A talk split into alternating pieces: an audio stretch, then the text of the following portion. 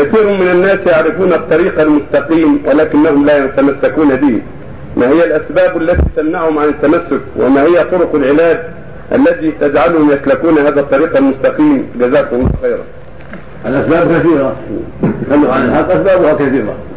تارة يكون جاهل وتارة يكون عنده علم بالحق ولكن يحمله الهوى لأن ما وافق هواه فيحمله الهوى على ترك الحق. وتارة يفعله مجاملة لبعض الأقارب وأصحابه يجاملهم ما ود يكذبهم إذا وافق الحق.